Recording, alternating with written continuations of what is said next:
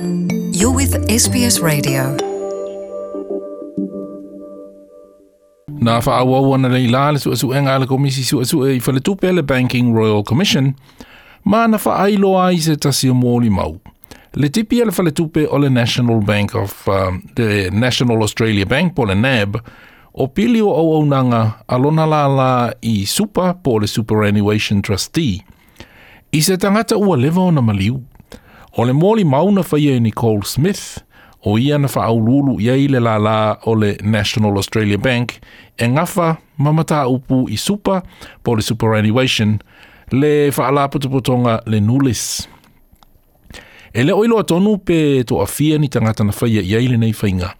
A e le na o le National Australia Bank, le NAB, le po le NAB, le fale tupe na whaia le nei whainga le amiotonu. tonu na mua mua mau le ova a le Commonwealth Bank of Australia. A to ai, ma le whaana putupotonga po le company le AMP. Ai ina ua fesilingi a Commissioner Kenneth Hain le tamaita i o Nicole Smith, pēna tele i langona ina pe manatu. O le ave o tupe a isi tangata, i se awala le a mi o tonu ma le wha maoni wha pēnei, e ono tula i mai ai o se soli tula fono. Did you think yourself that taking money uh, to which there was no entitlement raised a question of the criminal law? Uh, I didn't.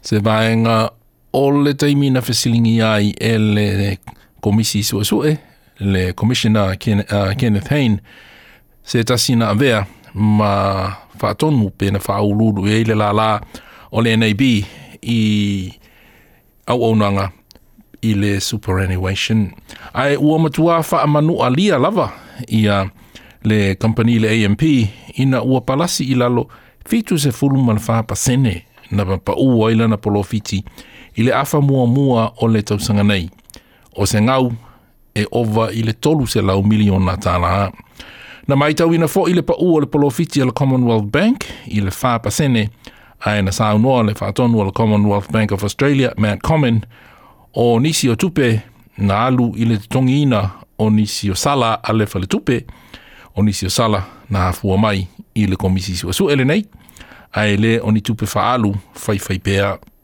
The underlying core result of 9.2 billion dollars is down 4.8%, but of course, there's a number of one-off items in our result this year, including some large uh, penalties relating to past regulatory issues. If we strip those out, actually, the underlying profit is closer to 3.7% up, and it's a combination really of the strength of our core franchise.